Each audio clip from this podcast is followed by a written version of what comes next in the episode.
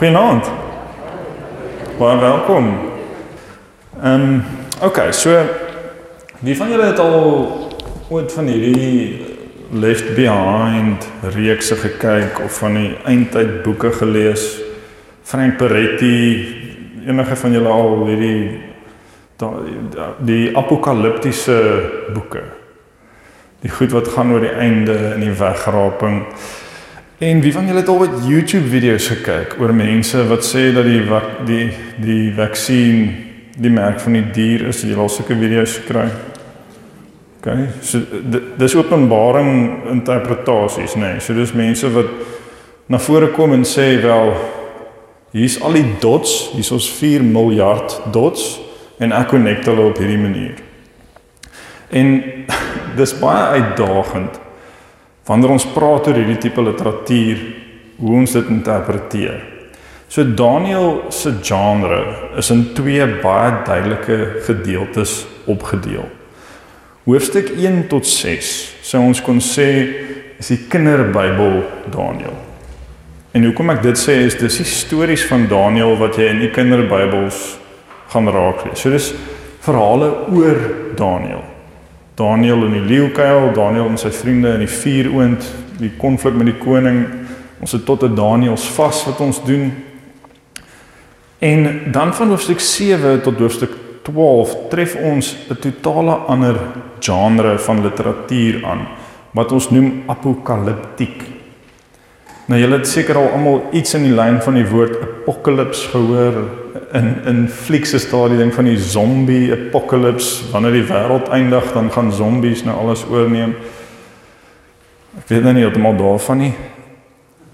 Maar dis 'n gewilde tema want dit is iets wat nuuskierigheid wek by mense en wat vir mense interessant is en intriguing is. En dis hoekom daai hoofstuk 7 tot 12 die eerste 6 hoofstukke is oor Daniël en dan 7 tot 12 is deur Daniël geskryf as ons dit so kan stel.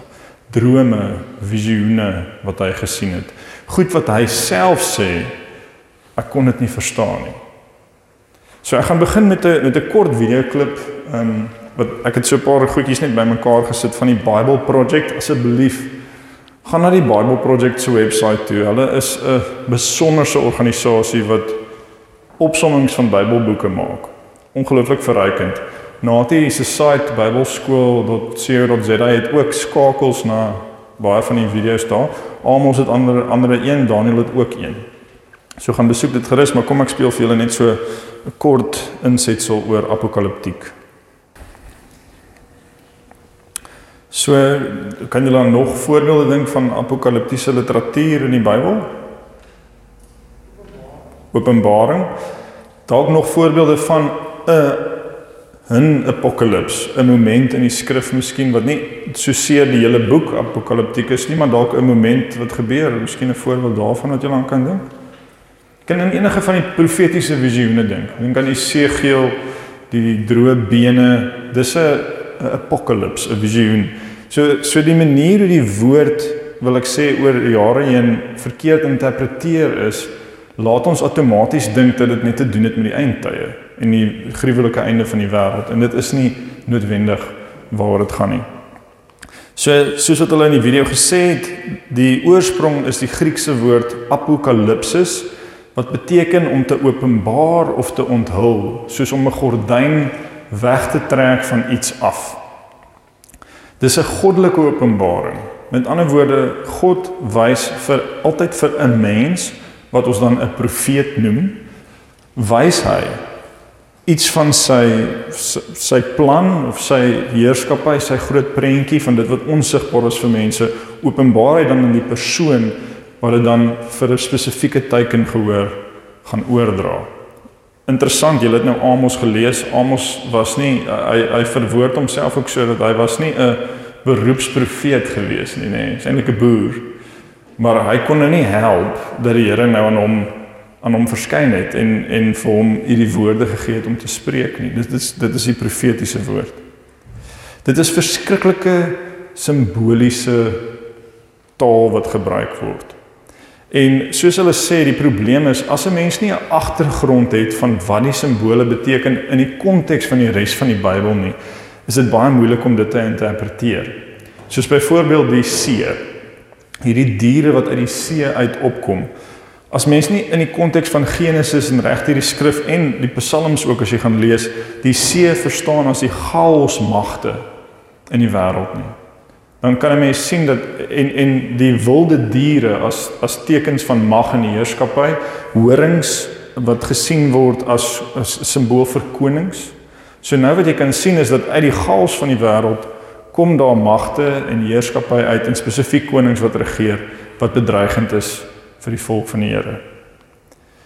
En dan wat interessant was vir my om te sien is hulle veronderstel dat daar word kodetaal gebruik in in hierdie literatuur wat vir die lesers bekend sou wees. Dis interessant. So as dit gaan nou snaaks klink, maar as as ek vandag vir julle sê ek is jammer ek het nie teruggekom na jou toe nie, my sein was swak, nê. Nee, dis nou dis nou net 'n 'n woord wat ek sê Oor 2000 jaar gaan mense dalk iets dink en iemand anders gaan dit weet. Hulle gaan nie meer iets so selfoon sy nodig hê nie. Hulle gaan nie 'n begrip hê van wat dit is nie. En nou lees hulle die geskrif van Rudolf uit die tweede boek van Versig wat sê ek is jammer ek was laat my sein is swak. En nou moet hulle dit op een of ander manier probeer dekodeer en interpreteer, maar vir die oorspronklike mense was dit 'n baie voorhand liggende beeld wat gebruik word. So dis belangrik om dit te verstaan.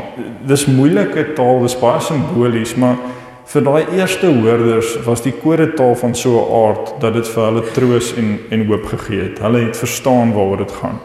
Ons moet ongelukkig tot 'n groot mate die gaping probeer kleiner maak.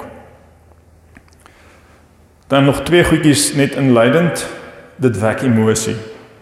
So wat jy gaan sien in apokaliptiese literatuur is dat nou jy gaan net hierdie mic afval, sorry.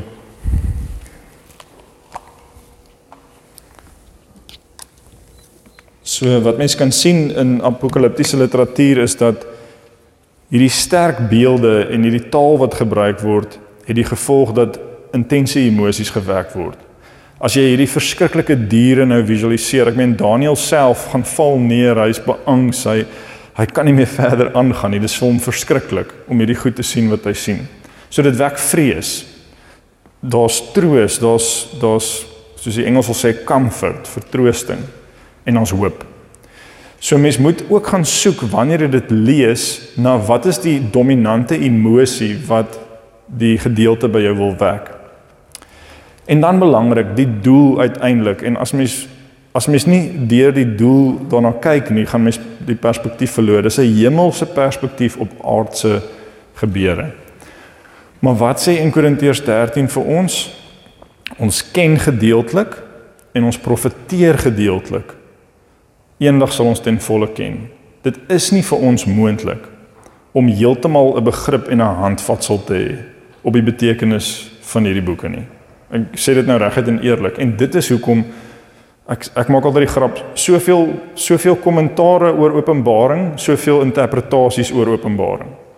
Né? Nee? Dit is so want ons is nie eintlik bedoel om ten volle 'n handvatsel te hê op die betekenis daarvan nie. Ons moet verstaan wat die intensie is en dit sal ons help om by die betekenis uit te kom.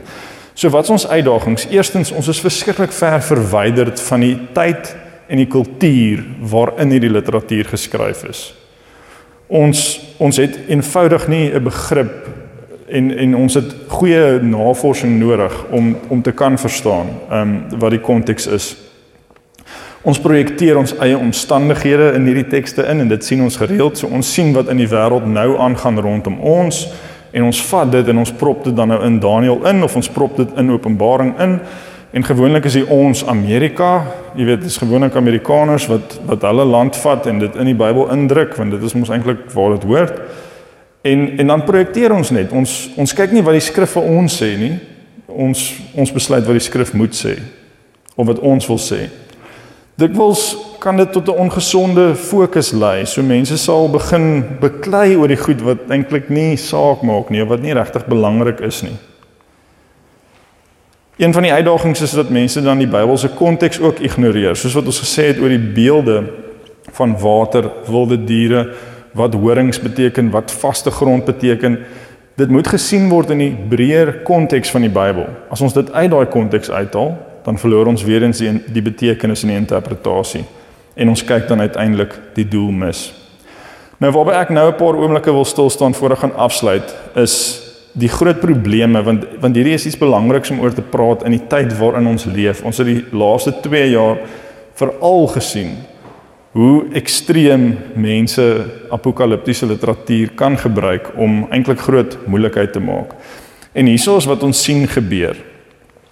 Dis 'n massiewe, massiewe bedryf veral in Amerika. Sogenaamde kenners van profesie wat boeke verkoop, wat wat preke uitsaai, wat eintlik sensasie lok en verskriklik baie geld daai uitmaak. Gaan vir julle net so 'n paar video's net nou speel. Die mense is hulle is multimiljonêers. As gevolg van daai fokus op hierdie goed wat mense se se ek wil sê geïnteresseerd hou en hulle nuuskierigheid prikkel. Dit dit dryf vrees en ekstremisme. So nou ewe skielik en ek gebruik die inenting as 'n voorbeeld. Nou goed, mense dink verskillend hieroor. Ek gaan nou uit die Bybelse konteks daaroor praat.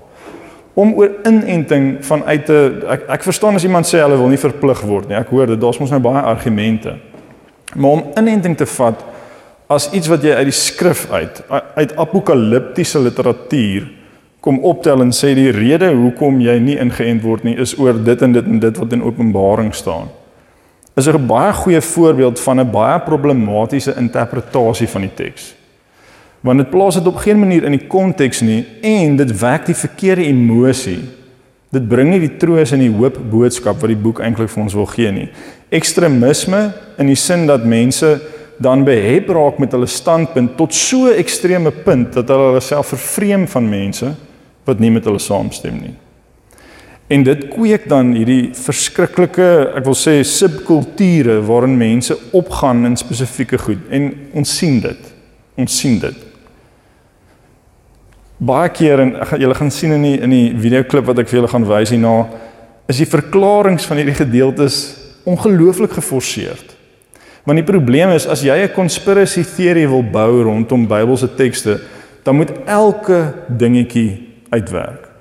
Daar's nie een ding wat uit plek uit kan wees. As jy sê 'n dag is 'n jaar, dan moet dit op elke plek wat jy dit lees op elke manier waar wees. Anders gaan dit nie op die ou einde anders kan Donald Trump nie die anti-kris wees nie. Daai goed moet alles perfek uitwerk. So dit forceer dan hierdie verklaringe in die tekste in wat jy eintlik glad nie kan doen nie. Maar mense koop dit. Die voorspellings is ongegrond en wat interessant is, Jy kan maar die, oor die laaste 100 200 jaar gaan kyk. Ek kry die ouens eintlik jammer. Dis meestal ouens. Hulle was al soveel keer verkeerd wat hulle net hulle inligting weer moes wysig. Dit moet 'n massiewe verleentheid wees. Ek meen die wêreld het ten minste al 480 keer geëindig, nê. Nee. Ons dis 'n genade dat ons nog hier is. Miskien is almal reeds weggeraap en ons is in die moeilikheid. Maar ek meen die maar Natie is nog hier, so ons gaan okay wees. So net die net hoe die geskiedenis homself tot nou toe uitgespeel het is 'n baie goeie bewys dat ongelooflik baie van hierdie voorspellings is heeltemal ongegrond. Want as jy iets voorspel en dit gebeur nie, dan is dit nou maklik om te sê, weet jy nee, is okay, eintlik het ons daai nou verkeerd gelees. Dit moes eintlik dit gewees het. Gewoonlik is my reaksie net whatever. En dan die groot hoeveelheid verdeeldheid wat dit veroorsaak binne in die kerk en in gemeenskappe. Ek kan nie dink dat dit God se doel sou kon wees met hierdie vorm van literatuur trouens met enige deel van die skrif wat wat hy aan ons geopenbaar het nie. Ek moet gou vir julle 'n kort video speel. So ek ken nou van die mense en van die mense ken ek nou nie. Dit was nou 'n bietjie happy shopping op YouTube gewees. So dit het 'n tydjie gevat om om te sif.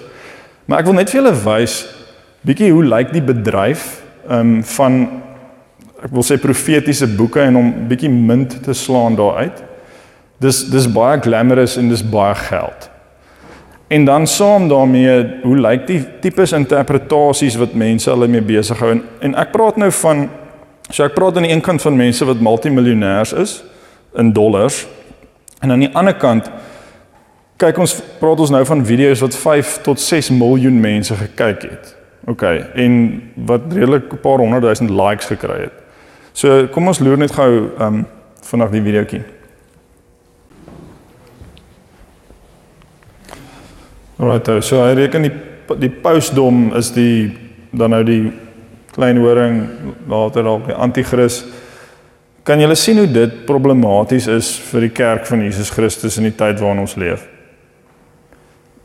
Verstaan julle hierdie ou hierdie video het 6 miljoen views. Die ou het 'n argument oor Jesus wat hy hy kyk hy vat hom ver. 'n Dag is 'n jaar en hoor wat sê Jesus as as jy hoor Jesus sê op die 3de dag sal ek vervolmaak word. Wat wat, kom instinktief by jou op? As jy hoor 3de dag, wat hoor jy? Opstanding. Nou kom Wara wara die ouer jaar en want hy moet dit nou forceer. Hy moet dit wat hy wil sê daarin druk en mense vrede dit op. Want is interessant, mense is nuuskierig en is lekker, né? Nee? Facebook is vol van dit. En die probleem is nou gaan ek eintlik te ver, maar as jy as jy Facebook gebruik, onthou net asseblief een ding. Nee, hulle hulle trek jou. Hulle weet mos nou waarna jy kyk en wat jy geniet om te sien. Jy gaan al hoe meer sien van dit wat jy klaar kyk. Dis hoekom baie van die ouens in Amerika kom en sê, "Maar dis hierdie is hierdie ou. Dis oral op Facebook. Dis oral op Facebook. Dis oral op jou Facebook." Nee. So onthou net dit asseblief.